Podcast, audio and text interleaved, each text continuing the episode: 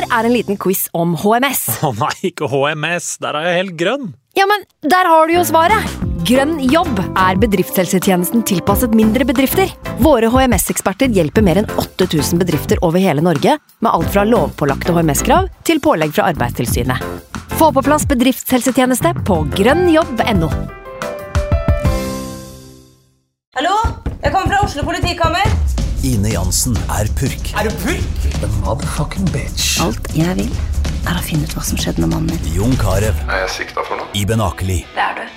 Ole So, Lars Berrum og Big Daddy Karsten. Hvem sin side er du på, egentlig? Anette Hoff, Tone Danielsen, Kommer du fra Afrika? Jørnis Josef, Nesten. Kløfta. Trond Espen Seim, Det er synd å si det, men det var feil mann som døde. Purk. Premiere tirsdag på TV2 Play. I can't believe it. Football, bloody hell.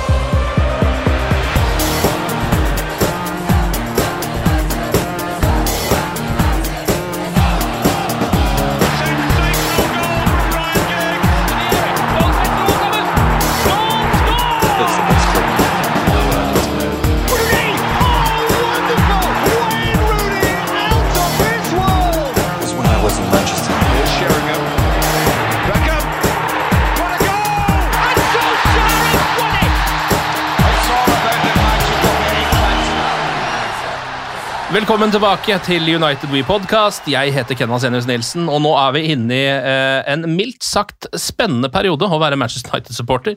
Eh, det skjer ting både på og utenfor banen nå som kan eh, påvirke livet ditt. Og litt av det skal vi snakke om her i dag. Mats Arntzen, velkommen. Hei, takk. Martin Jøndal, velkommen. Hei sann. Vil dere begynne på eller utenfor banen?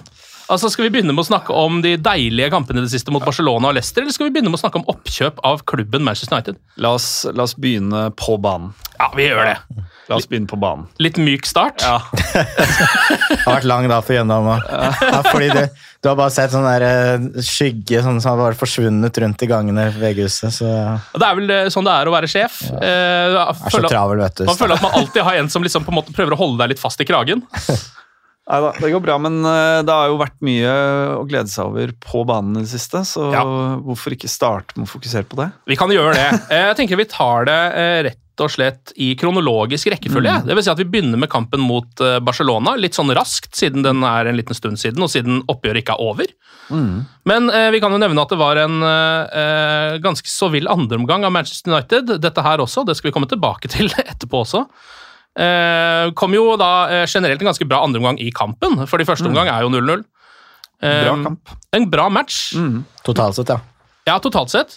Mellom to eh, gamle stormakter som plutselig er litt tilbake igjen, fikk jeg følelsen av. Mm. Det var litt sånn, eh, det var en Det var ordentlig høyt nivå. Det var en, Det det var ja. en tungvektsmatch, liksom. Ja, og det var litt sånn Det ble jo Det var litt sånn feisty. Eh, dueller. eh, godt spill. Det var en bra fotballkamp. Det så, i hvert fall sånn, Hvis man ser på både trøkket på tribunen og på spillerne, så så det ikke ut som det var liksom kvalikkamp nummer én til Europaligaen. Definitivt ikke. Som du Playoff. Playoff. Som det på en måte egentlig er. Litt sånn, det er den egentlig verdens stussligste match, men ja. sånn så det ikke ut for 90 000 på Camp Nou, eller for folk som satt hjemme. er jo eh, Barca som eh, tar første stikk, går opp i ledelse etter en corner, som eh, gamle eh, Chelsea-spiller Marcos Alonso header inn på bakre stolpe. Eh, og så er det jo litt sånn Rashford-time eh, etter hvert. Det har det jo vært nå i et halvt år, sånn cirka. Eh, han får ballen av Fred. eh, og kommer jo altså så nærme dørlinja at eh, jeg lurer litt på hva, hvorfor han skal skyte i det hele tatt. Det er ikke mye expected goals der. Nei, jeg tenkte Jeg, altså, Det er ikke en Barcelona-pod, men keeper, Ter Stegen, den keeperen, skal ikke slippe inn i, i hjørnet der. Han er, går jo for veien av verdens beste keepere. Er Sånn Mycon Light, den der Ja. Eh, varianten her. Sier kanskje alt om formen til Rashford òg, for han scorer på en måte eh, samme hvor han står. Ja, han går inn overalt, den. Ja. Ja. Han prikker ned den nettmaska han skal. Men fint. øh, jeg syns Når det går fem dager siden øh, matchen, så er det på en måte tilbakelagt litt. Men jeg mener vel altså Fred var ganske øh, variabel før pause. Ja, og så tok han seg voldsomt opp i andre omgang. Ja. eh, Både i måten han håndterte Frenkie de Jong på, eh, som åpenbart var jobben hans, eh, men også i forkant av øh, 1-1-skåringa. Ja. Gjennomspillet der. Mm. Han, har, han glimter til. Det er sånn Ja. uh, I det, det øyeblikket du føler du har mista litt trua på han, så, så leverer han en god match igjen. Ja, jeg føler at det her var akkurat veldig typisk Fred sånn sett. Ja. Fordi nå har det vært et par kamper hvor jeg har egentlig gått og tenkt litt sånn ah, Fred, nå er du altså, du må opp et nivå nå, hvis ikke så må du liksom ut av laget. Eh, og så gjør han en omgang som er ganske svak, og så gjør han en andre omgang som er liksom sånn, litt sånn verdensklassenivå plutselig. da. Ja. Og da begynner man jo å lure. Da må man tilbake til den gamle catchphrasen eh, her i United Podcast. Fred, Fred er fin, han. Fred er fin. Fred er fin, han. Fred er fin, han. Eh, og så går United opp i ledelsen også på kamp nå etter 60 min. Um, Da er det jo en litt sånn eh, litt småfrekk corner. Ender opp på Marcus Rashford. Jeg, altså, det er ikke noe sånn, jeg føler ikke det er så mange tanker bak det. Det er bare sånn få han til Rashford. Ja, men det er, og, og finta er jo Det er jo Fifa. Ja. Det er, det er Fifa-finte. Det målet der, skåret mange ganger på Fifa, går langs dørlinja og sånn. Og så er motstanderen så redd for å lage corner at han ikke går på det ordentlig. Så er det bare 17. Nei, og, du, og du Og da, da får man jo virkelig følelsen av at øh, nå er alt mulig, fordi vi, vi fortsetter jo å dominere matchen øh, i ja, i hvert fall er det 10-15 minutter Ja. etter å ha gått opp til 2-1. Ja. Øhm, og det er jo i den grad man sitter igjen skuffa etterpå, eller uh, i hvert fall ikke er liksom strålende fornøyd med, med å komme vekk fra noen kamp med, med en uavgjort, så er det jo fordi vi uh, vi skal drepe den kampen Ja. øh, og skåre 3-1. Det er jo også noen dommeravgjørelser der. Nå fikk jeg ikke sett den reprisen nok, syns jeg, men Rashford er jo gjennom på blank der. Ja, han, han skal ikke ha straffe, men han skal ha frispark, og det skal bli rødt kort. Jeg syns også det. Ja. Den er klar. Ja, og det er bare fordi VAR ikke kan gå inn og dømme den straffa, tror jeg at de ikke tar tak i det hele tatt. Ja, Kanskje de tenker at det rød er ikke klart nok, eller jeg vet ikke. Men for meg så er det det, for det er en sånn, det er en matchavgjørende situasjon. da. definitivt. Jeg er usikker på hvor mye tenker de så mye gjennom ting. Alltid. Man begynner jo å lure. Altså, Kan de ha tenkt over sånn Nei, det er ikke det. Eller har de bare sånn Nei. Dette er ikke matchavgjørende! Øh, Ja, det, Nei, det er jo vanskelig å si Nå, å lure, i hvert fall. Nå har vi jo fått det bevist at det er noen Premier League-dommere som bare ikke, Som ikke bare, kan det. som bare glemmer å gjøre det. og gjøre jobben, så da kan det jo godt hende det skjedde her òg.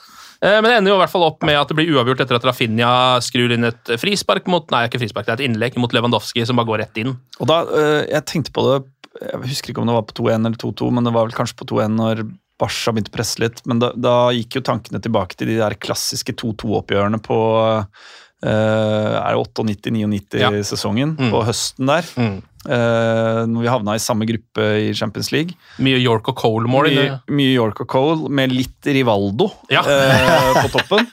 Det var tidlig. Altså, ja, men det var noen eh, ganske greie oppgjør, uh, det også. Eh, og det var litt Ja. Det, det, det at vi i det hele tatt sitter i den podkasten her og på en måte drar parallellene tilbake til, til det laget, viser jo at vi begynner å få litt tro på hva Ten Hag driver med. Feel in all yet.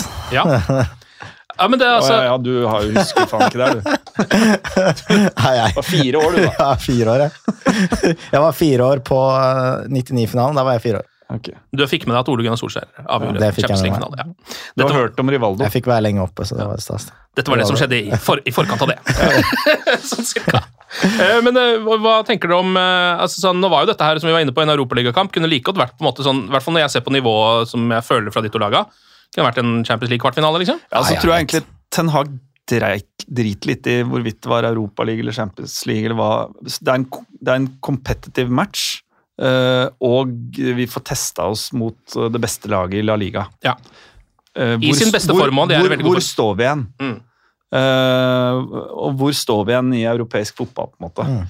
Uh, og um, fasit er at eh, etter én match eh, så, så ser det jo bra ut. Den returen blir kul, altså. Uh, det blir veldig gøy. Det er sånn, det er, hvis dette her hadde vært kamp to, da, eh, så er det så er det på en måte, Da får du nerven at du vet at det skal avgjøres i tillegg. Men når det er den kvaliteten og, det spillet der, så er det jo veldig gøy å se. Eh, og så syns jeg det er gøy med hvordan Ten Hagel sånn angriper kampene. At det virker som han, han hviler ikke bare for å hvile spillere. Det er en, når de trenger det, og når det er nødvendig. Og så er han heller ikke redd for å hvile spillere i viktige kamper også. Plutselig er Varan ute i en kamp hvor du tenker at Ja. han burde spilt. Eller, altså, de, de, og stole på alle, da.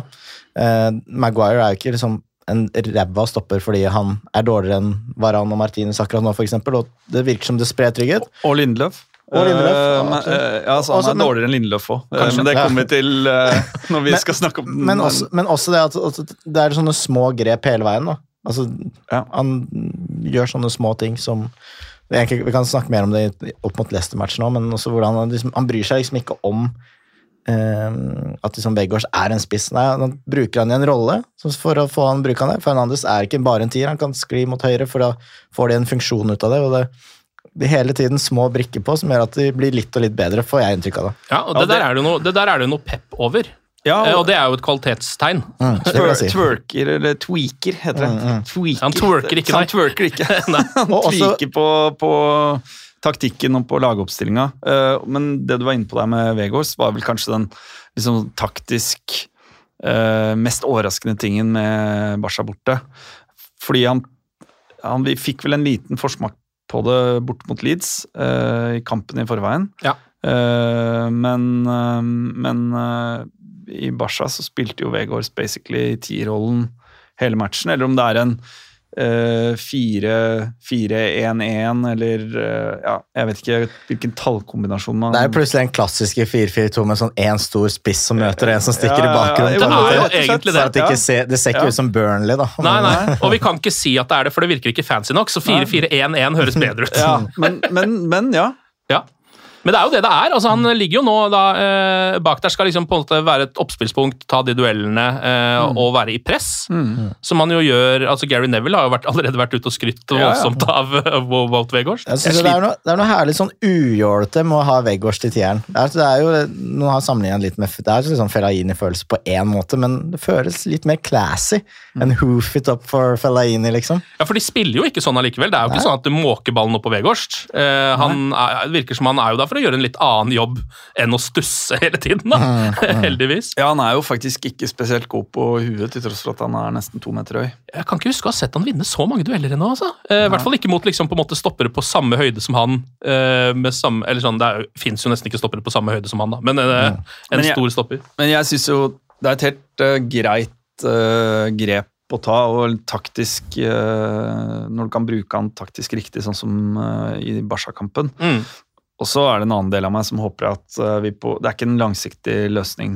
Eh, og i noen kamper, som matchen vi skal snakke om etterpå, så, så opplever jeg kanskje at det blir eh, litt for treigt og statisk. Eh, og det er noen situasjoner der det, du nesten tenker sånn Faen, er det Maguire? eh, som er er, på topp her. Mm. Altså, jo, men de har litt det samme, litt tregere bevegelsesmønstre enn alle Ja. de andre gutta. Ja. Eh, til stor eh, frustrasjon tidvis eh, på puben eller hjemme i sofaen. Ja, og også vi kan egentlig bare hoppe over der nå, for det er ikke så mye mer å si om Barca-matchen. Nå kommer jo da returoppgjøret på torsdag kveld Mm. på Old Trafford. Kan bli veldig spennende, kan bli straffekonk alt mulig. Bortemål er jo borte. Ja. Så det har ikke så mye å si at United skårte to akkurat på kamp nå, men starter da på en måte egentlig med 0-0 da, Mm. og skal spille på Old Trafford. Eh, Men eh, mot eh, Leicester, så vi kan egentlig ta det du sa med en gang der før vi går løs på alt det andre, Martin, for du var innom Wout Weghorst, som jo får mye skryt etter denne kampen, og spiller en bra kamp etter det han kan. Men jeg legger merke til underveis der, spesielt kanskje i første omgang, før United begynner å liksom komme virkelig i modus, at hver gang han gjør en liten feil, så er det ikke bare de på puben som slår øh, armene opp. Det er liksom, Du ser det litt på øh, Rashford, på Bruno Fernandes, altså på United sine klassespillere òg, da. La dere merke til det? Nei. Så jeg syns synes det eh, så ut som de irriterte seg litt. Jeg vet ikke noen av jeg var, jeg var opptatt med å irritere meg sjøl. så ja. Satt og banna og sverta til sidemann, så fikk, fikk de ikke med. Nei, jeg, det, det blir jo litt sånn etter hvert, da. Eh, Det er jo Man må passe på så man ikke går i den McTominay gaffateip-fella igjen, da, med han. Eh, Det er en nødløsning for en grunn. Eh, Og så vil det funke noen ganger og til, sitt, til sin funksjon. Det betyr ikke at det er en langvarig løsning. Nei. Altså, Og så funka det jo ikke spesielt bra i første omgang mot Leicester, for det syns jeg var en skikkelig dårlig Du syns de var så åpne. Ja, det var dårlig, dårlig omgang. Det var rett og slett det. Uh, men, men han gjorde jo en justering. Han tok den riktignok ikke av, men han, han bytta jo om på ting i andre omgang. ja. Eh, Fikk Rashford ut til venstre og fikk han opp, altså Vegårst opp i, på spissplass. Mm. Uh, Og inn med Sancho, som jo gjorde et uh, veldig bra innhopp, Ja. uh, syns jeg. Vi kan jo, Eh, altså Før vi går løs på eh, alt som skjer i matchen, så kan vi jo ta laget litt sånn kjapt. fordi eh, Vi nevnte jo at Victor Lindeløf starter. mm, Nå viste det seg vel at Maguire hadde en liten skade. ja. som kan være grunnen til at han ikke starter. Varan blir hvilt og er bare på benken, som jo er en litt sånn ballsy løsning, siden Varan er en av de viktigste spillerne på laget der. Og ellers så er det vel det eneste som er litt sånn spesielt, eller som man kunne på en måte ha valgt noen andre, er vel at Garnaccio starter på kanten istedenfor Sancho, som har virka som han er i ålreit form. da. Ja. Eh, Men helt greit når at Garnaccio starter også, Ja. tenker jeg. da. Ja, og jeg tenker jo øh, Man har jo også lyst til å se Rashford mer i den spissrollen. Uh, så jeg Ja. var ikke noe skuffa over det. For jeg syns uh, ja, Garnaccio har vært uh, god, og så tror jeg nok vi må forvente av en 18-åring at der går det veldig opp og ned Ja. i prestasjonene. Uh, og akkurat den første omgangen han leverte mot uh, Leicester, den legger han bak seg fort, tror jeg. Ja, Det var en av hans svakere omganger. Det var, Men- ja. Jeg vet ikke, Det er jo en liten diskusjon det der om liksom, fordi jeg føler litt nå når Rashford hvert fall, Det er mulig at det er fordi han er i så sinnssyk form nå at han ikke kan gjøre noe feil, men jeg føler jo at han er nieren til Manchester United nå. At det Ja, ikke burde vært så mye tvil om det. En del kamper så burde han jo være det. Uh, Men det er jo litt hvordan han ønsker å spille. Det virker som Ten Hage er veldig opptatt av å ha den der link-up-spissen. Med kombinasjonen. Han er vel veldig glad i Martial, og det, må jo, det kan da ikke være så mange andre grunner enn det. Um, altså, men United er jo litt heldig, da. Altså, Barnes har jo den store sjansen, vel. Ja, God redning av De Gea på headinga til Nacho også. Ja. Uh, Så der savna man jo Casemiro veldig, da, syns jeg. At man, de får skli gjennom Ja. litt altfor enkelt. Mm. Um, og så er det på en måte å finne ut av de brikkene Jeg syns jo altså, Det høres jo ut som Anthony, Bruno, Sancho, Rashford er den kvartetten som er på papiret det beste, i hvert fall. Mm. Så jeg er enig i det. Du sier det. Uh, og så er det det med at Ten Hag virker som han ikke nødvendigvis tenker bare at, det er, at dette er det som er på papiret det beste, men hva er det som er best til denne kampen? Mm. Ja. Eh, og gjør små endringer basert på det, og ikke og bry, virker som han liksom ikke bryr seg om så mye annet enn hva er best for laget. Mm. Og det, Her så har han jo da eh, muligens en litt sånn altså jeg vet ikke, De starter jo med eh, så å si et litt sånn bankerslag, bortsett fra Victor Lindeløf, på en måte, men allikevel så er jo kampen altså i starten helt grusomt dårlig for Manchester United. Det er liksom Barnes er gjennom etter åtte minutter. Eh, en ganske smart avslutning i steget, som De Hea eh, har reaksjonene sine og klarer så vidt å ta. Eh, og så føler jeg at liksom Leicester er i overtall hele tiden. Det er akkurat som at begge bekkene til United har gått opp hver gang, og Lindeløf står sånn litt feil. eller et eller annet. Det er liksom sånn tre mot én. Det var Eh, litt sånn déjà vu-følelse av hvordan det har vært før, når ting ikke har fungert. At eh, de, blir, de drar på seg egentlig brudd, og så plutselig er det åpent. da. Ja. Mens den balansen de har hatt med det der systemet, at en av bekkene har gått inn, og Um, de har på en måte dan, ofte dannet en treer, da, som har jo blitt ganske moderne nå, og inn det siste, så har de på en måte funnet en sånn balanse med å ha en del spillere sentralt, og det ikke går opp med begge bekkene, og så er stopperne over alle hauger, sånn som de ofte ble før. da. Mm. Eh, men nå var det litt tilbake til gamle synder et par ganger. Ja, og Det var litt sånn tilfeldigheter og god jobb av liksom Sabitzer og Fred på midtbanen der, som funka som en midtstopper i perioder. Eh, nesten når United ble overkjørt der, da. Og Det er det bruddet de får også med Sabitzer, hvor Bruno lemper den gjennom til Rashford òg, som liksom Ja, starter det litt. faktisk. Ehm, og så er det jo, som du var inne på, uh, Nacho med en uh, heading, og der er liksom De Hea med en sånn, en sånn Gordon Banks light. Den er, for, uh, den er egentlig for gammel referanse for meg òg, men Ja, den bare det- sitter. det- det- den, den må du nesten forklare. her, fordi det, det er, nå snakker vi mange tiår før Arntzen ble født. Ja, så de, de hadde jo heldigvis kameraer også på den tiden. Altså, du har kan vært- din VM-historie. kan det, altså. Ja. De sitter, de. Eh, Men det er sånn typisk De Gea også, liksom at han liksom fisker den ut. Ja. At det, er liksom, liksom, det er føring på redninga. Ja, liksom. Den er egentlig inne, og så drar han den ut igjen. Ja, altså, måten han redder på, gjør at Inacho tror at ballen er i mål, Ja, ja, ja. selv om den er en halv meter ute. ja. Og så er det jo litt eh, tilfeldigheter som skal til, da. Eh, Når United plutselig liksom, på en av dine aller første eh, angrep, egentlig, eh, etter 24 minutter, så skårer de bare 1-0. For det er Bruno med en sånn klassepasning, utsidepasning. Gjennom til Marcus Rashford, um, som altså setter han så kontant i lengste. Han, det er samme målet som han skårte da det ble annullert det er- her forleden. Ja, og det, er, og det er jo sjelden jeg prøver å tenke, men altså Når sist hadde vi en spiss som var så on fire at når ballen kommer og i den posisjonen der, så er det, det er oftere mål enn det ikke er mål, på en måte. Altså, Han hadde blir- ikke skåra på det for et halvt år siden. Du blir ikke overraska når han banker den i lengste der. Uh, det, er noe jeg vet faen, nesten van Nistelrooy Ja, det det eh, klinisk eh, Han- han er måte liksom å sånn- f- avslutte på. Akkurat nå så er det en blanding av liksom peak ung Ronaldo når han går inn fra kant og skårer, og Ruud van Nistelrooy som kan skåre fra hvor som helst. på en måte. Det Men er det går helt, bare inn. det er sånn Måten han treffer ballen på, så er det bare Det er en 10-15 cm over utenfor rekkevidden Ja. til keeperen.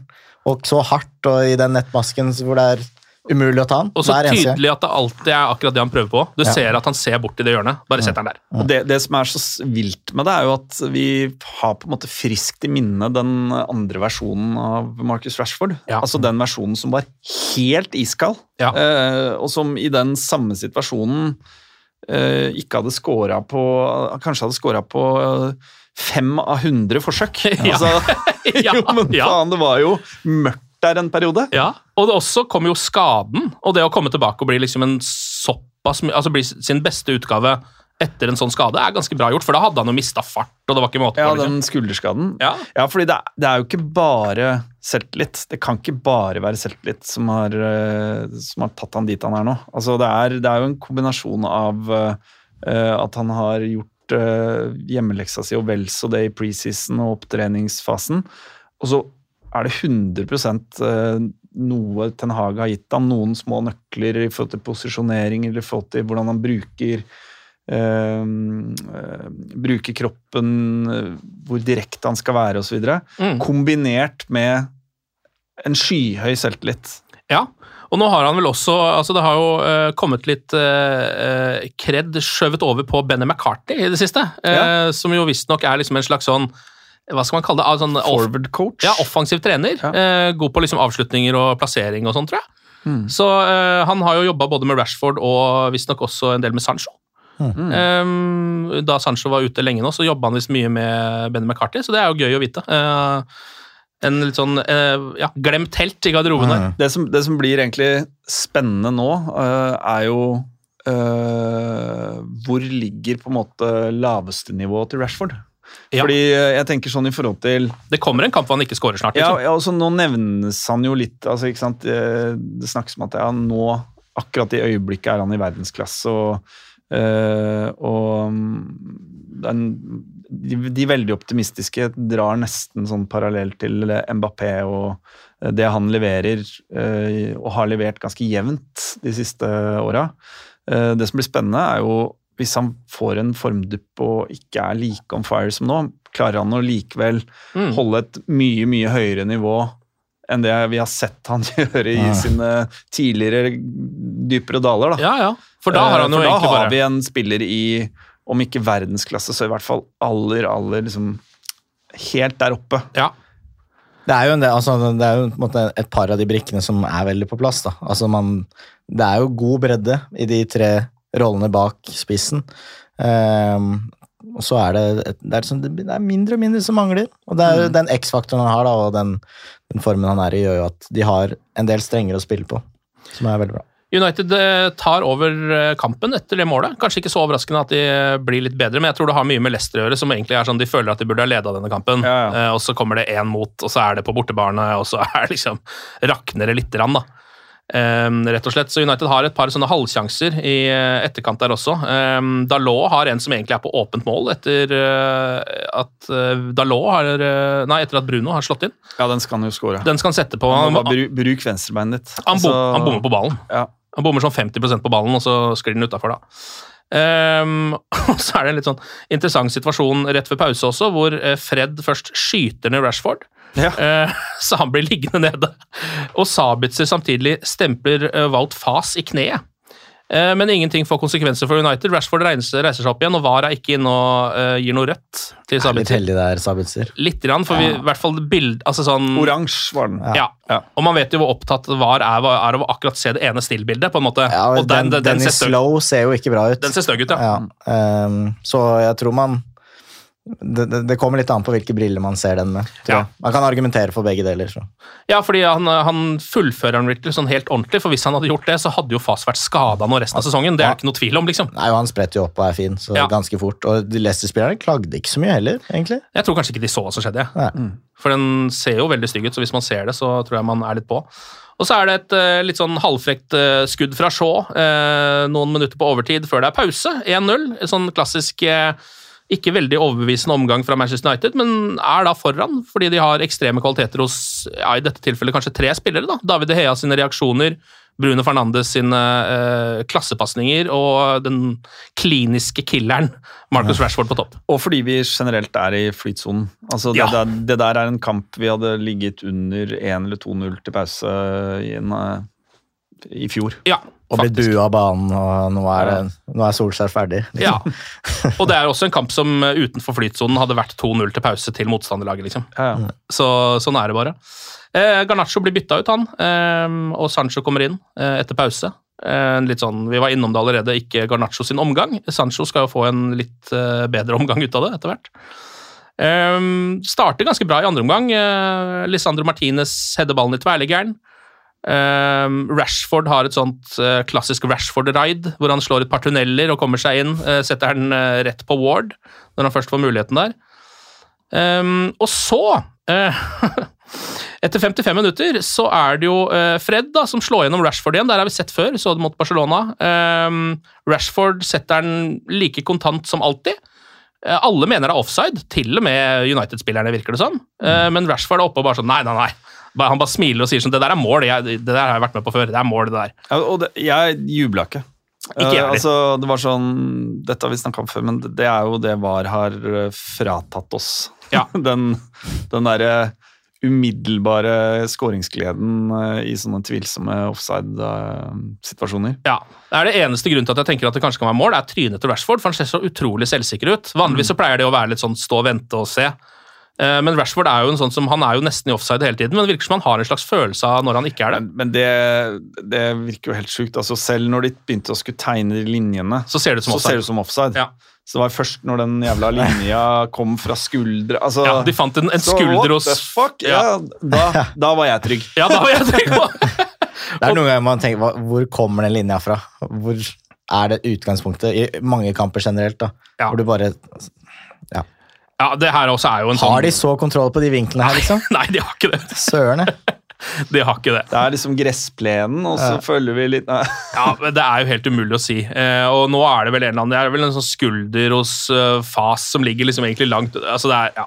Men i hvert fall eh, Vi tar det. Vi tar det målet der, Ja, ja. og det er eh, 2-0. Det siste Fred gjør, er å levere den assisten. McTominay kommer inn, tilbake igjen. Eh, fra ja, skade. Um, og så er det jo liksom Her er United en ganske sånn Her er, går de litt på vann, egentlig, i den perioden her. fordi etter 60 minutter så kommer det jo en klasseskåring. Vi har sett noen av de der i det siste for United, synes jeg. Når de skårer noen mål, så er det ofte en som er sånn 40 trekk, eh, eller eh, klikk-klakk, sånn som den her, da. Rashford som dundrer inn i banen som han liker, finner Sancho. Videre til Bruno på høyre, eh, får ballen tilbake. Et veggspill eh, med en 45-graderspasning fra Bruno. Og Sancho på én touch med venstre, 3-0 i mål. Fordelen med Sancho sentralt er jeg fø- føler at han blir mer uforutsigbar. Da, at han kan gå begge veier. På høyrekanten så tenker Ja. du sånn ja, jeg ser jo, Du ser jo før han får ballen at det her går det etter sånn at han ender opp med en støttepasning. Sammen med Bruno da får mer, kanskje mer plass og kan være enda mer direkte ute til høyre og ha flere alternativer inne. Og det ender jo med at de, liksom, at de får kombinert seg fint gjennom og, Ja. og satt den. Bruno har jo vært ganske altså sånn jeg husker, Han har jo vært prøvd ute på den høyrekanten der litt tidligere, som, hvor jeg syns det var litt sånn Æh, skal han ligge og liksom bli eh, gjemt bort uh, ute på kanten der?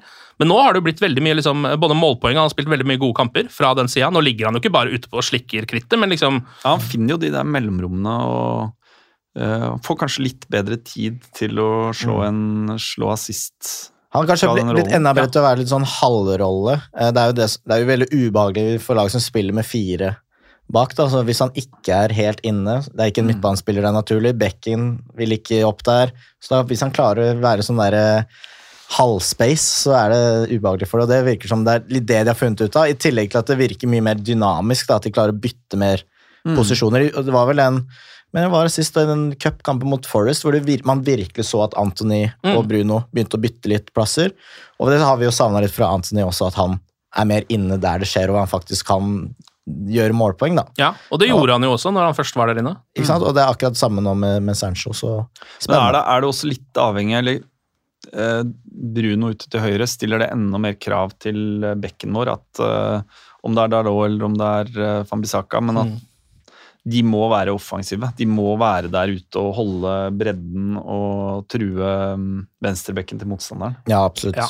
Hvis ikke så er det enklere for Bekken å stå opp igjen. Mm. Hvis ikke har noe trussel på utsida. Ja, og Bruno er jo ikke en dribler. Han, er jo ikke, eller sånn, han kan jo drible en mann, men han er jo ikke den som drar, drar av en bekk og legger inn, liksom. Det er ikke tempoet hans som er grunnen til at han spiller eh, altså, Det er ikke hurtigheten hans som er grunnen til at han spiller Manchester United. Nei, det er ikke det. Men han er veldig direkte nå, og det er jo sånn han liker å spille også. Virker som de har funnet en rolle hvor han kan være det. Han Mm. kan jo gjerne slå, ha, treffe på maks to av tre pasninger i løpet av matchen, men Ja. samtidig er seks-syv av de til en som er på blank hold eller får avslutta. Og jeg syns uten tvil at han er bedre i en sånn type rolle enn en indreløper, mer sentral midtbane, der han kommer for langt ned i banen. Eh, Ja. For det, han har jo prøvd seg som det også. Mm. Uh, så tierrollen eller ute til høyre. uh, og i mindre grad eh, sentral midtbane. Ja, I mindre grad liksom Christian Eriksen-rollen, Ja. altså sånn dypt på midten. Ja. Hvor han bare ender opp med å ligge og slå sånne Tom Brady mm. for- 40-meterspasninger. Ja, altså driver, han tar jo litt Han har jo ganske høy risiko i spillet sitt, på en måte. Uh, og det eh, Det er jo ikke kanskje helt heldig i, hvis han er dypere i banen. Nei. En, jeg føler det er en fordel med at han får lov til å liksom droppe litt hit og droppe litt dit, og litt som han vil. da. Er, det er litt som en fordel jeg syns Liverpool har hatt med Trent på høyrebekken. At det er liksom vanskelig for de andre å markere han ut. At han liksom kan gå inn i midten. og Så du får mange av de ballene inn i farlige områder da, fra en som faktisk duger til det. For Det er jo ikke så mange andre du vil at skal slå prøve på det Bruno prøver på. Sånn, hvis, hvis den kommer fra et annet sted, så er det sånn Nei, gjør det enkelt, da. Men han, han Du vil at han skal ta de ja, for om han da bommer på annenhver av de forsøkene, så de gangene han treffer, så blir det så farlig at det er høy verdi da, i de pasningene han tar. Mm.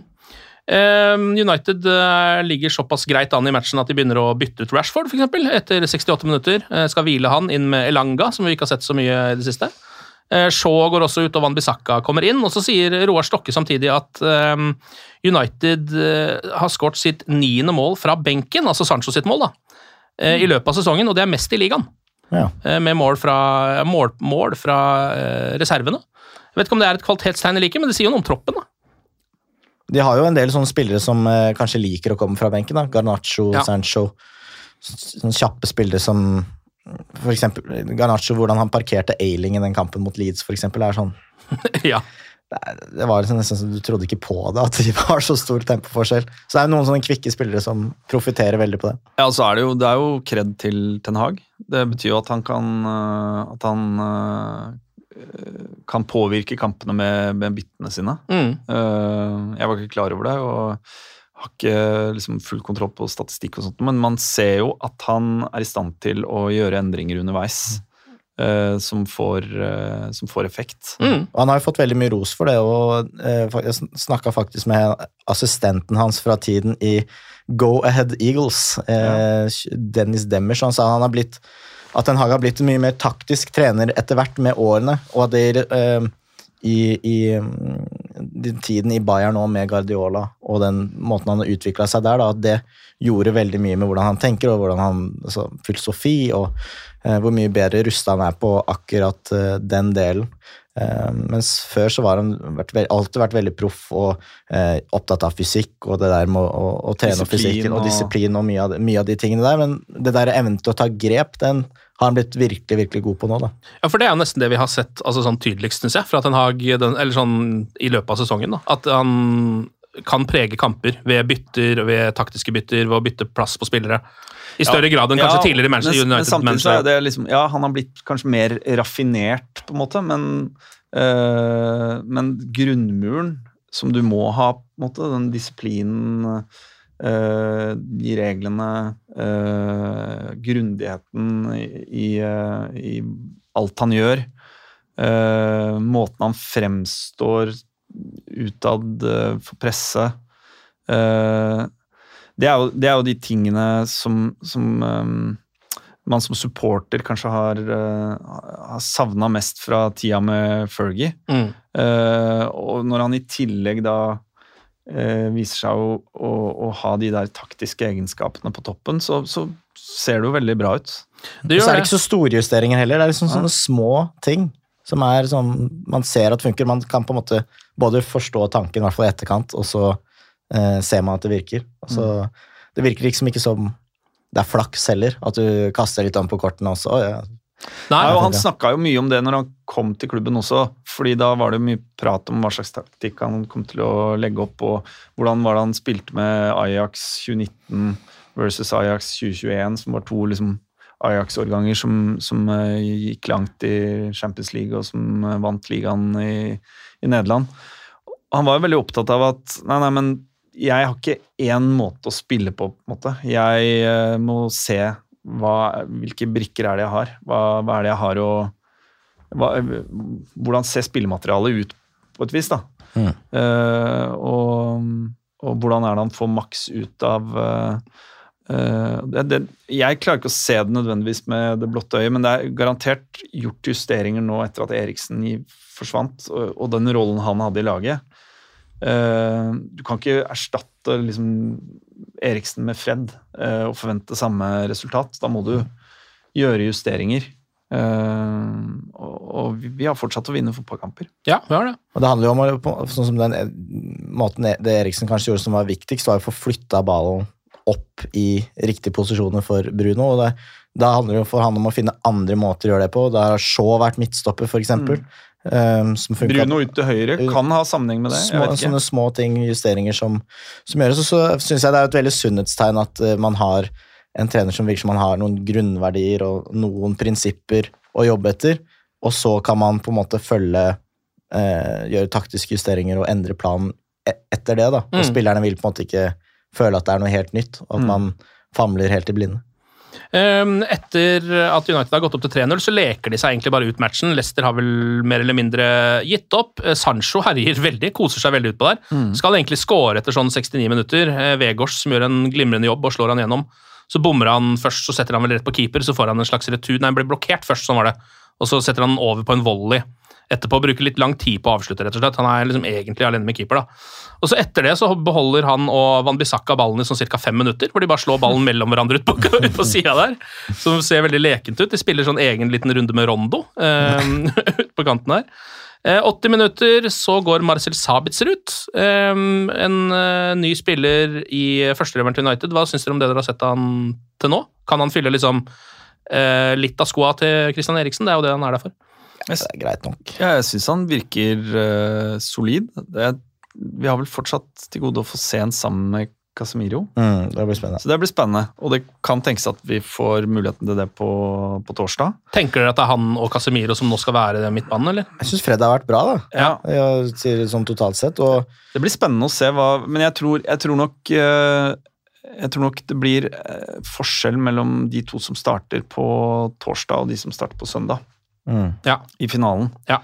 Eh, men hva han går for når, det, det tør jeg ikke å svare på. Nei, Det eneste som vil være sikkert, er at Casemiro går inn igjen tror Ja. jeg, og kommer til å spille begge de kampene. Ja. Jeg er ganske sikker på det. Men det var en veldig fin løsning, da. det er jo ikke noe tvil om. At det var bra og på, sånn, på kort sikt. At han gjør jobben mer enn mer enn bra nok. Jeg syns han har sett veldig påskrudd ut, og jeg tenkte sånn at han har spilt så litt i Bayern at jeg ikke var sikker på liksom, hva skal man si, sånn intensitetsnivået hans. da. Eh, Men det virker jo ganske høyt. Han vinner mye ball, eh, er relativt trygg med den.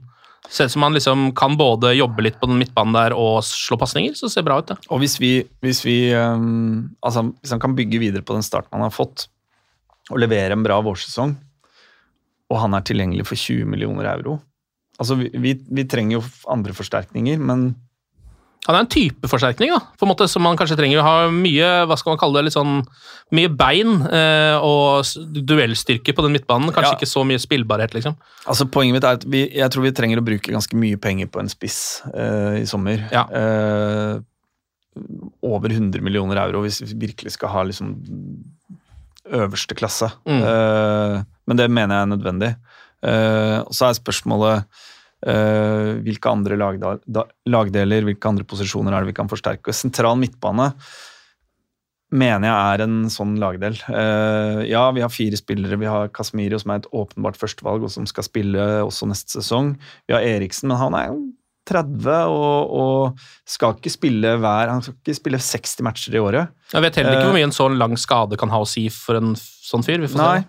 Eh, og så er det McFred, da. Eh, Mm. og der føler jeg at Fred er foran McTominay. Ja. Eh, og hvis, hvis Newcastle er villig til å bruke 40 millioner pund på, på McTominay, så, Vær så god.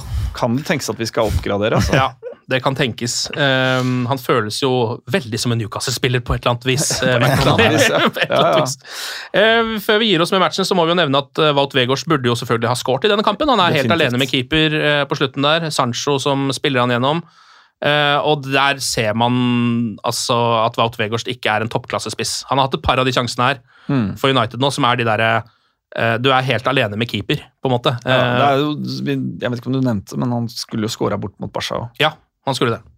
Det var egentlig en helt lik sjanse, så vidt jeg kan huske. Ganske lik. Litt tidligere i, i kampen. Da må Benny McCarthy jobbe litt lenger. Ja, Benny McCarthy må jobbe overtid her og ta eh, tak i Volt jobb!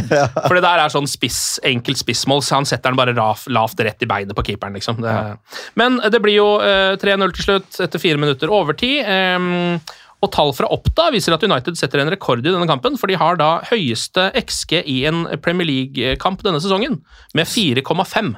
Ja. Så burde da egentlig i hvert fall ha satt fire mål, da, ifølge eh, XG. Det er sterkt etter den starten. Ja, fordi han null Ja, i første omgang. ja, det er interessant å se XG i andre omgang, for det må være Jeg tipper det er 4,5 i andre omgang. Ja, ja. ja. For det er jo ingenting som skjer i første omgang. der Man får veldig følelsen av at laget liming av den eh, altså Leicester også. Ja. Jeg tipper det var én i første omgang, kanskje med Rashford sitt, eller 0,7, eller noe sånt. da, Så kommer resten i andre omgang. Så Leicester er et fotballag som både klarer å fremstå som et ganske bra fotballag, men så i det neste øyeblikk fremstå som et veldig dårlig fotballag. De smadra jo Tottenham. ja. Og de smadra jo United i 30 minutter òg. Så altså, ja. Eh, De viste vel egentlig begge sine ansikter i løpet av denne ene, ene kampen. er. Ja. Leicester er sånn, altså, hvis, de vinner, hvis de tar ledelsen, så er det jo farlig. og Det, det så man jo for noen år siden. De vant et par kamper, og så vant de sesongen. Hvis de hadde litt flyt. Ja. Så det er et sånt konstant flytlag. Ja, det er akkurat det det er. Eh, United nå på tredjeplass. 49 poeng, tre bak eh, City og fem bak Arsenal, hvis jeg har regna riktig her. Eh, Arsenal har én kamp mindre spilt.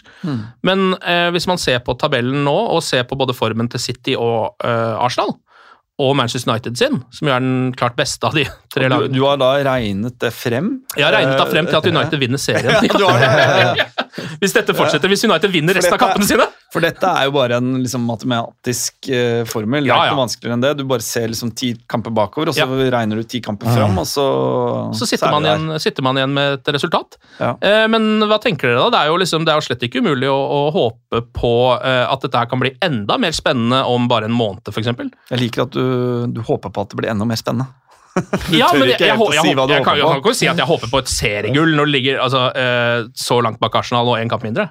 Nei, det ville jo vært sinnssykt hvis eh, det skulle bli fasit, men eh, ja, City-Arsenal skal spille en kamp på Etiad, hvis, og den kommer City til å vinne. Ja. Jeg tror fortsatt de vinner ligaen. Eh, De ligger tre poeng er- foran United nå. Ja, eh, det er nesten større Ja. eh, Ja, men jeg tror på kommer- Ja, men jeg tror på at vi kommer foran Arsenal enn City-ligaen i år. Ja. Ehm, og eh, men, men vi er liksom Vi er rett unna å kunne si at vi er med i en annen form for eh, title race, men vi er ikke helt der. Jeg tror også, altså hvis det skjer, at man kommer foran eh, Arsenal, og ikke nødvendigvis foran City, så kan jo det være kan jo vise seg å være avgjørende, fordi City skal jo få kanskje en eller annen straff her. Oh, ja, ja.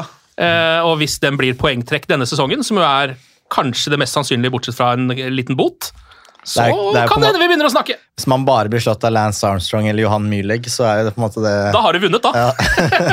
da. Da er det gull. Det er ikke noe tvil om det. Ok, eh, Så over til en ting som jo er veldig spennende. Kan jeg bare spørre, Ja. eh, fordi i farten her nå så husker jeg ikke hvilke, hvilke mm, For å bruke fancy metaforen, hvilke røde matcher er det vi har igjen? Eh, Vi skal, bort, vi skal spille bort mot Liverpool på Anfield. Mm. Det husker ikke jeg heller, faktisk. hele den Den er jo nå eh, allerede altså Det er vel neste seriekamp allerede, det. Ja. Eh, For nå er- spiller du ikke pga. Newcastle nå. eh, Men det er, det er ikke så mange, så vidt jeg husker. I tillegg til Liverpool, så møtt, er det Det er jo. Chelsea hjemme, men det er jo Chelsea ikke hjemme, noe det er ikke en rød kamp lenger. Nei. det, er, det er de to mot Brighton og Newcastle da, etter Southampton som er litt sånn Ja. halvekle. Men jeg, Newcastle har mista litt, litt eh, farten. Bitte litt. Bitte litt. Men Så ikke veldig mye. Får vi se. Ja, men mot Liverpool, altså, det ene målet der stuper opp i press mot han Bajsetic som bare vender opp, så vri altså, Nei, det var ikke Det var mye Pope driver og rører. Nei. Ja. Det er, eh, jeg, jeg tror ikke Newcastle kommer til å holde følge, i hvert fall om topp fire. Nei. Og United har jo et eh, ok kampprogram igjen. Det er ikke så mange av de røde kampene. Som, Nei, ikke sant? Og det, det, det har jo noe å si i forhold til sjansene for, eh, for å melde oss på, da. Absolutt. I, eh, i et tittelrace. Det har jo det. Altså, Det er derfor jeg tror dette er liksom sånn det, eh, Det er Spurs borte etter hvert, da. Ja. Men det er sånn Ja. Hva er de? Ja. Ser ikke, all- ser ikke helt topp ut, det heller. Akkurat nå så er man jo ikke redd for noe. Det er jo det som er litt sånn spesielt. så får vi se, da. Kommer jo til å forandre seg. United kommer jo ikke til å ha denne formen resten av sesongen, fordi det er det ingen lag som klarer å ha, nesten. Bortsett fra Leicester, den ene sesongen de holdt på. Og The Invincibles eh, fra Arsenal. Vi får se, vi får se. Vi får se. Ok, oppkjøp. Oppkjøp. Oppkjøp. Det må snakkes om. Eh, Glazerne har da åpna for å eh, selge eh, klubben, eller i hvert fall deler av den. Martin, hva er det du veit om dette her? Hva jeg veit altså det, det jeg tenkte når den første nyheten kom om at de eh, skulle selge, så var jo det en udiskutabel gladnyhet. Ja. altså det var en kjempeopptur. Nesten, det var nesten sånn eh, eh, Ikke uvirkelig, men, det, men det, det er noe vi har venta lenge på. Ja, men Alle kjenner jo til Gla Glazers Out-protestene, som har vart i altså, så, siden Altså, jeg var jo på FA Cup-finalen i Cardiff uh, mot uh, Arsenal i Det var vel i 2005. En kamp vi burde og skulle ha vunnet. Det var kanskje den første gangen jeg virkelig så Rooney og Ronaldo helt on fire. Og de var Gutta var 2021, eh, og man tenkte shit, dette, dette kommer til å bli bra. Og vi tapte den matchen på straffekonk, tror jeg. Mm. Og da var jo hele svingen til United var jo kledd i svart. Eh, klubben hadde akkurat blitt kjøpt opp, og det var på en måte en markering mot de nye eierne. Eh, og så har jo tida gått, og man har på en måte blitt klar over i større grad hva en leverage buyout er for noe. Eh, det, var jeg, det var ikke jeg spesielt godt opplest på når jeg var 25. Hva er det, da? Nei, altså når du går inn og kjøper eh, et selskap eh, med masse belånte midler, og i det øyeblikket du har aksjemajoritet eller eier klubben selskapet, så flytter du dine private lån over på bedriften, som du jo eier, så du kan gjøre det. Det er jo dette som har skjedd med Manchester United. Og det er dette som har skjedd med Manchester United, og, og det har jo på en måte vært hovedgrunnen til frustrasjonen og irritasjonen og eh, skuffelsen rundt hele det eierskapet de siste 18 åra. Mm. 17-18 åra. Det faktum at, at vi har en eier som ikke bare, ikke bare tar penger ut av klubben i form av utbytte, som vi vel er de eneste, den eneste klubben i Premier League omtrent, eller i fotball-Europa, hvor, hvor det, det skjer. Eh, Men i tillegg har en eier som eh, også har eh, satt oss i, i milliardgjeld. Mm. Så når nyheten da kom om at de ville selge, så, så, så er det en gledens dag. Man tenkte jo da det kan jo ikke bli noe verre enn dette. Man tenker det, man kan, det kan ikke bli noe verre, og så kan det jo bli det. Det kan jo det. For å si det kort. Ja, for nå har det jo vært en, så De har kalt det for en soft deadline Ja. på å legge inn eh, hvorvidt man er interessert, hva man er interessert i å kjøpe, og hvor mye man vil gi. Sånn kort fortalt, da. Eh, og det er vel egentlig akkurat nå liksom på en måte to ordentlige interessenter, så vidt jeg har skjønt. Ja, eller i hvert fall to, to interessenter som har gått offentlig ut og, Ja. og To vi vet hvem er. kommunisert eh, budet. Den ene er jo da sir Jim Ratcliffe, eh, som er en veldig veldig rik Manchester United-supporter. Eh, den andre er sjeik eh, Shasim bin Hamad Al-Thani fra Qatar. Um, og det er vel egentlig det vi vet. Jeg så at eh, supporterklubben hadde en slags sånn uh, avstemning uh, blant skandinaviske supportere. Ikke så overraskende så ville da uh, 82 at Ratcliffe skulle ta, den, ta det oppkjøpet, foran da 14 som faktisk stemte på Qatar. Men jeg har sett også internasjonale kontoer som har stilt samme spørsmål, eller hvor på en måte publikum er mer mot Mer internasjonalt? Ja, Ja. rett og slett. Det er det som er et internasjonalt publikum. Ja. Og der altså, er det en overraskende høy andel på Qatar. Det så til og med poll med ganske mange stemmer hvor de kom seirende ut. Men jeg er på en måte usikker på Hvis man tar alle delene hvor Manchester United har supportere, og alle de livssituasjonene de har, eh, både med kunnskapsnivå og andre ting som er på prioriteringslista, eh, hvor mange som er i stand til å ta inn over seg måte, det vi som for oss nå er en selvfølge her, da. Mm. Det tror jeg varierer veldig rundt om i verden. Da tenker du på liksom menneskerettighetsbrudd og ting fra Qatar? Ja, Ja. og også hvordan um, VM i Qatar nå ble oppfatta generelt i verden. Mm. Ja, for oss i Norden og Nord-Europa så var det um, så, så lå he, den, det bakenforliggende der hele tiden. Men det gjorde jo ikke det i Sør-Amerika og Afrika og Nei. Asia. Nei. De gjorde ikke det. Eh, eller eh, den arabiske delen av verden, for ikke å snakke om. Nei, for der er det full fest. Ja. Så, Eh, vet ikke, Martin, det er jo kanskje et dumt spørsmål. Hvem håper du, hvem håper du kjøper Manchester United? Nei, altså Ja, det er et dumt spørsmål. Jeg, jeg håper jo på På mannen fra Manchester, fra Salford. Ja. og det er det jo, det er det flere, flere grunner til. Og så eh, tenker jeg at uavhengig av hvilken eier vi får, så, så er jo eh, håpet at eh, at vi blir drevet på en annen måte enn eh, enn, eh, hvordan Glaciers har eh, eh, valgt å gjøre det. Eh, fordi Manchester United er jo en, egentlig en sunn eh, bedrift. Eh, og eh, eh, vi trenger ikke tilførsel av masse penger. Vi, vi trenger ikke å Vi er ikke i en situasjon som, som City var for 15 år siden, eh, hvor vi trenger å måtte, potensielt jukse med regnskap eller blåse opp verdien av sponsorater og tilføre klubben masse penger, fordi det er en bedrift med en grunnleggende bra økonomi, hvis man ser bort fra det faktum at vi har blitt eh, satt i enorm gjeld, Ja. eh, og at eh, eieren vår fram til nå har tatt eh, hundrevis av millioner ut av klubben. Eh, så det er liksom Jeg liker jo ikke å ta sorger på forskudd, eh, så jeg, jeg tenker i utgangspunktet at uavhengig av hvilken eier vi får, så håper jeg vi får en eier som vil drive klubben på en sunn og fornuftig måte uten uh, å berike seg selv på det. Mm. Uh, det er på en måte forventningen min. Uh, og så har jeg null forventning om at og ønske egentlig om å få en eier som skal pløye masse penger inn, eh, men, eh, men som skal drifte klubben på en sunn og god måte. Eh, og hvis vi kan få en eier som har røtter i lokalmiljøet, som er vokst opp i Salford, eh, og som man kanskje eh, i stor grad vil i hvert fall ha forhåpninger til vil knytte bånd til supporterne. Og da med supportere så tenker jeg jo da først og fremst på de som går på kamper og på lokalmiljø.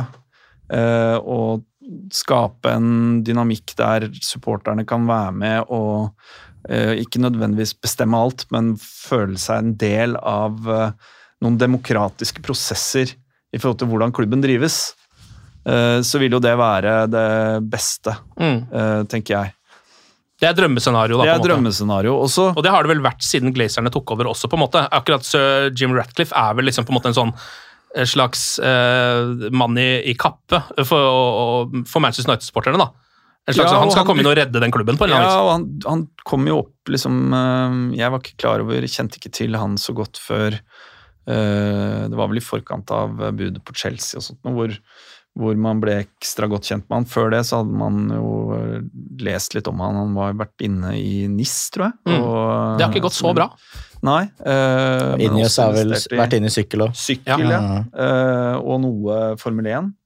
Uh, men eh, De er vel på Hamiltons Ja. bil, er det ikke det? Ja. Eller Eh, og man vet jo ingenting om, om hva, hvilke tanker han har. Altså, det har jo bare vært noen enkle pressreleases osv. Uh, men, men det er jo noen andre typer utfordringer med, med den andre budgiveren. Eh, som, som rett og slett eh, går litt mer på verdisyn og, og, og menneskerettigheter og ja, egentlig hele den debatten som man så i oppspark til, eh, til VM i fotball. Mm. Eh, altså Hvis du skal eh, stikke fingeren i lufta nå, eh, Mats, og prøve å finne ut hva som er mest sannsynlig her, har du noen følelse på det? Dårlig følelse, kanskje? Ja, er det lov ja, å si? ja. Eh, Nei, det er, man, man er jo kanskje litt mett på debatten her, da, fordi jeg syns jo at det meste er, bør jo være på bordet nå, etter den, sånn som det har vært, den debattkulturen som har vært i Norge nå. Sånn er det kanskje ikke i resten av verden. Eh, Så tror jeg det, det kan bli frustrerende og gjentagende at det samme og det samme skal komme igjen, fordi det er jo ikke noen norske United-supportere som bestemmer det her. Det liksom, men skal man da dra på kamp, og det er det der veldig sånn forskjeller på det moralske og det moralistiske. Den debatten en gang til. Eh, og det syns jeg generelt i fotballen er Det er jo tungt at det er sånn. Eh, og en annen ting er jo det at jeg tror at for det mange altså, at man, De som ble for, forelska i United, på, spesielt på 90-tallet, det var jo ikke bare fordi de vant, men også fordi det var unggutter, og det var måten, måten klubben, klubbhistorien var, da. Den, som står veldig sterkt. Hvis man plutselig skal få masse penger inn og på en måte økonomisk dope laget, så det er, det er det kanskje ikke det man eh, først eh, likte laget for. da. Nei, det er kanskje ikke en like sympatisk inngang eh, til å være fotballsupporter. Eh, det er jo noen som allerede, bl.a. Henrik Fladseth, som jo har vært med i denne podkasten flere ganger, eh, mm. har jo gått ut og sagt at han kommer ikke til å klare å følge Manchester United. Hvis det blir qatarske eiere, er det noe dere har tatt stilling til allerede, eller eh, venter dere å se når det smeller? Nei, altså, jeg vet jo at jeg kommer ikke til å klare å slutte å følge United, men min kjærlighet til Manchester United det handler null om kjærligheten til hvem som eier. Ja. Uh, og, for den har ikke vært så veldig høy nå heller, den, for å si det på den vært, måten. Uh, den har vært uh, dårlig i mange år, mm. men det handler om supporterkulturen, det handler om historien. og det handler om det som foregår på banen. Mm. og blir det en blir det en eier vi uh, er uenig med, eller uh, vi uh, trenger å markere overfor, så, så finnes det massevis av muligheter til å gjøre det, og det forventer jeg og tror jeg supporterne kommer til å gjøre også. Stå opp for de verdiene de tror på. Mm. og da vil jeg jo selvfølgelig være en del av det. men jeg kommer ikke til å slutte å være Manchester United-supporter. Vi må også snakke litt om det rent sportslige oppi alt sammen, for nå går det jo endelig ganske bra eh, på banen. Har gjort det en stund. Ten Hag har fått kontroll på det hele. Hvor, liksom, eh, hvor redde er dere for at dette her kan eh, være med å liksom, ødelegge hele dritten? Jeg håper jo at Uavhengig av hvem det blir, så ser de det samme som oss. At nå er det en stabilitet der. Nå er det for første gang på Eh, snart 15 år, eller i hvert fall 10 år. 10 år blir det. Eh, første gang på 10 år så er det en, eh, en slags en organisasjon som det virker som fungerer, med det er en retning da, administrerende direktør, en sportslig sportsdirektør, en, en manager eh, som har et fungerende godt samarbeid. Altså For ti år siden, når Fergie slutta, så slutta jo også Resten av gjengen. Resten av gjengen. Så da måtte man begynne helt på nytt. Uh, og uh, det forventer jeg nesten uansett. At én, uh, at man ser den kontinuiteten som ligger der, og, og, det gode arbeidet som nå er gjort. Vi er bare et halvt år inn i det. Men, men, to også at man ikke skal ta for store steg for fort, men at man har liksom tålmodighet. da. Uh, og det, det, gjelder uh, uavhengig av hvem som, som kommer inn. Mm. Uh, gjøre smarte valg. Vi må rett og slett bare, altså Dette her er jo noe vi bare må følge. Ja. Vanskelig å si hvor fort eller sakte det kommer til å gå med hele opplegget her. Det her var jo en såkalt soft deadline, så jeg ser for meg at det først skal komme en hard deadline, og så skal det skje ting og ting og ting. og ting. Ja, Det som skjer nå, er vel at de som har på en måte markert interesse og avlagt et uh, åpningsbud, de får, de får, vel nå for første gang tilgang til på en måte alt. Alle bøkene, regnskap, uh, hva de måtte ønske av informasjon som, uh, som, klubben i utgangspunktet ikke deler med noen andre. og så på bakgrunn av det levere et, et revidert bud, nærmest. Mm. Men sikkert også et bud som tar høyde for at det finnes andre interessenter. Men så er det også spennende fordi det er vel sagt, i hvert fall i forhold til eh, Radcliffe, at han ikke nødvendigvis skal by på 100 av eh, aksjene, mm. men at han først og fremst er ute etter å kjøpe den kontrollerende eierandelen som Glaciers uh, sitter med. Ja. Uh, han vil rett og slett bare han vil eie klubben sånn som Glazerne gjør nå. da på en måte. Men han trenger ikke nødvendigvis 67 eller ja, noe sånt. sånt. Nå. Du trenger jo ikke å eie hele klubben for å eie klubben. Ja, og det er jo eh, interessant å få vite mer om hvilke planer han har. Eh, kanskje Altså, det kan innebære at eh, eh, supporterne i større grad kan få muligheten til å kjøpe seg inn med eierskap og få innflyt reell innflytelse. Eh, eh, den andre motparten hans har jo signalisert at der er det cash kontant 100 eh, Sjokk. så, Men de har jo også selvfølgelig, fordi de skjønner De er jo ikke idioter, så de har, skjønner jo hvilken standing, eller dårlig ikke-standing, de har i Manchester. Så de har jo også begynt å fri til supportere ved å ha med en del sånne ting. At det er mye som skal tilbake til community osv. Absolutt. Uh, Må ikke glemme at uh, hvor hardt investert Qatar er i, i byggingen av London by, f.eks. Mm. Undergrunn osv. Og, og, og andre byer også. Så det er mer enn fotball i det hele, og fotballen blir, det blir jo veldig synlig for folk, og det er mye følelser osv. Men land samarbeider hele tiden med oljestater om bygging og utveksling av avtaler og sånn, så det Én ting er den sportsvaskingsdelen og at uh, renommeet skal bli bedre, men for disse landene så handler jo også veldig mye om makt internt i Midtøsten. Rivalisering med eh, altså For å beskytte seg mot Saudi-Arabia eh, og andre land rundt. Eh, Forente arabiske emirater. Den konkurransen mellom Doha og Dubai, f.eks. Doha prøver å få den samme standingen som Dubai har. Eh, så det er, mye, det er, mye av det her også oppi det hele. Mm. Eh, Mm. Det, ofte snakker man jo bare om den menneskerettighetsdelen, som for oss er veldig åpenbar, men de har, de har mange andre hensyn oppi det hele. Mm. Det, er jo, det, er jo, oppi det hele litt skuffende at ikke Nicolai Tangen også kunne slengt inn et uh, lite bud på vegne av Norge. Altså, Jeg regner også med at det kommer et, uh, et Har ikke oljefondet hatt noen aksjer i Jo, altså, de, de, de, har mest sannsynlig hatt aksjer i Manchester United, fordi de er jo investert i de fleste verdipapirer rundt omkring ja, ja. I, i, verden. Det er det. Uh, med mindre det står på en sanksjonsliste. Uh, Men det er nå vi burde splash the cash, altså. Det er ikke noe tvil om det. Nå er det bare å få det ut altså, Nå er det jo mulig å både kjøpe Liverpool og Manchester United. Uh, så da hadde man jo på en måte kunnet liksom tatt unna for kritikken som naturlig nok ville kommet fra alle Liverpool-supporterne hvis man uh, hadde kjøpt seg opp i Manchester United, og vice versa. Ja, ja. Uh, det er, bare, det er to fluer i én smekk nå. Bare kjøp opp begge to. eh, vi tar et kjapt eh, rykte før vi går videre. Mason Mount eh, ryktes til bl.a. Manchester United. Det er vel snakk om at eh, de vil selge han til sommeren hvis han ikke skriver inn en ny kontrakt, fordi kontrakten hans da går ut 2024. Mm. Da blir han verdt veldig mye mindre penger, dvs. Si nesten ingen penger.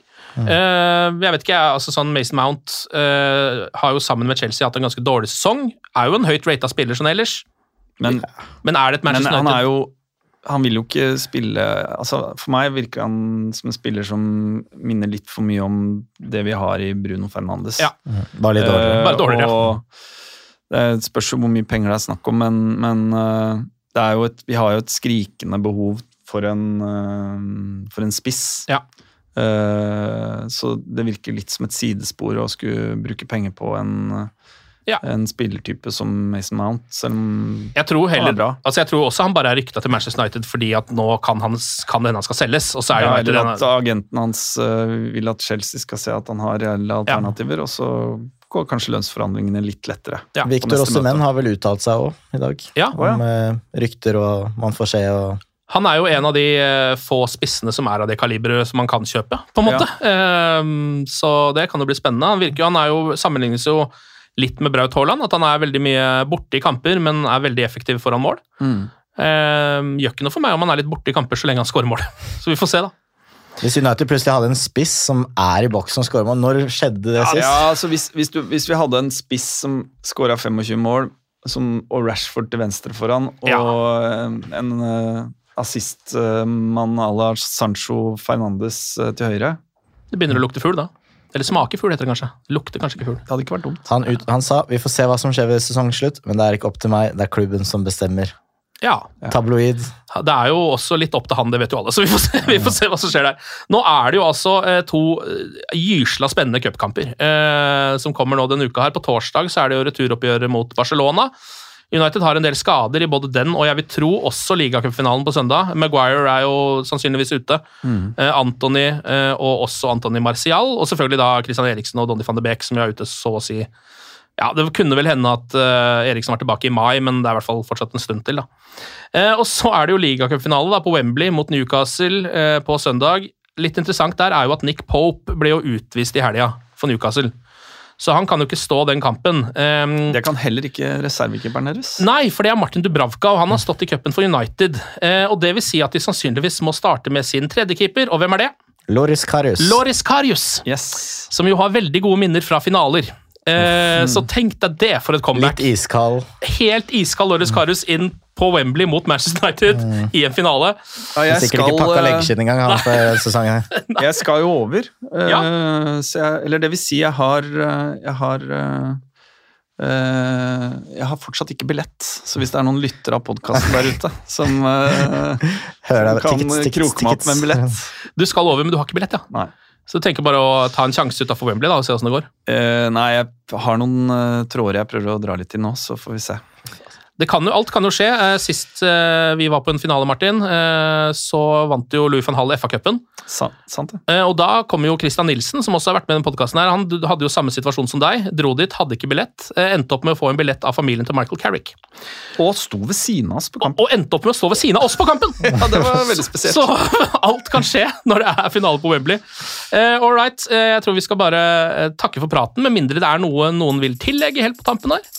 Har vært gjennom det meste. Nei. Bare sier det sånn, da. Martin og Mats, tusen takk for praten, og glory, glory.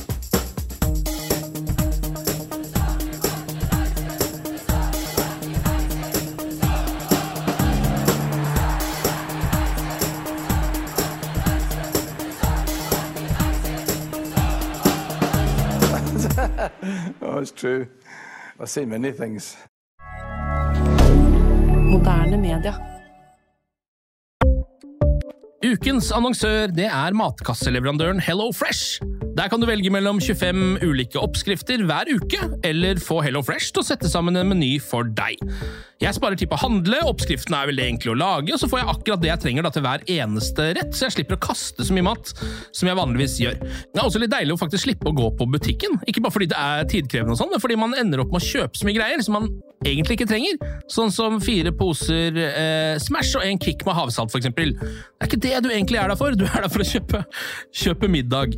Så det er en veldig eh, kjekk ting. I tillegg så er det jo eh, ferdigporsjonerte ingredienser, det blir mindre matsvinn, og du betaler bare for det du faktisk trenger, og det du faktisk da spiser. I tillegg så blir det da levert på døra.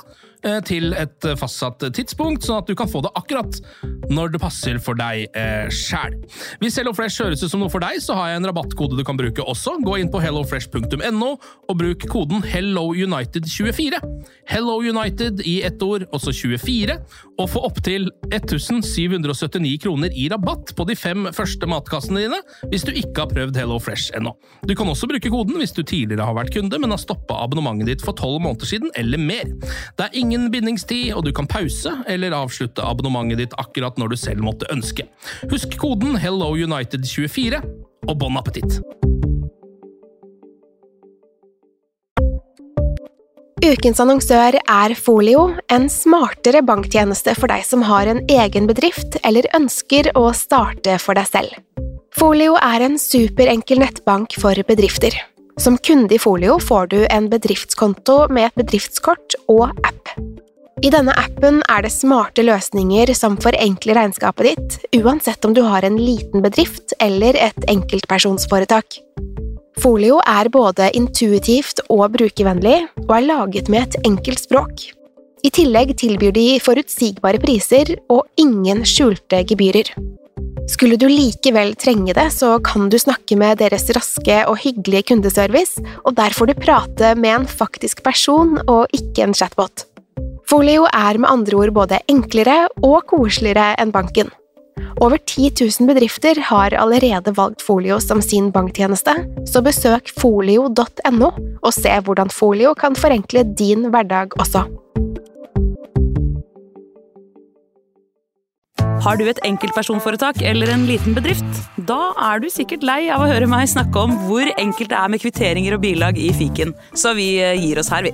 Fordi vi liker enkelt. Fiken superenkelt regnskap.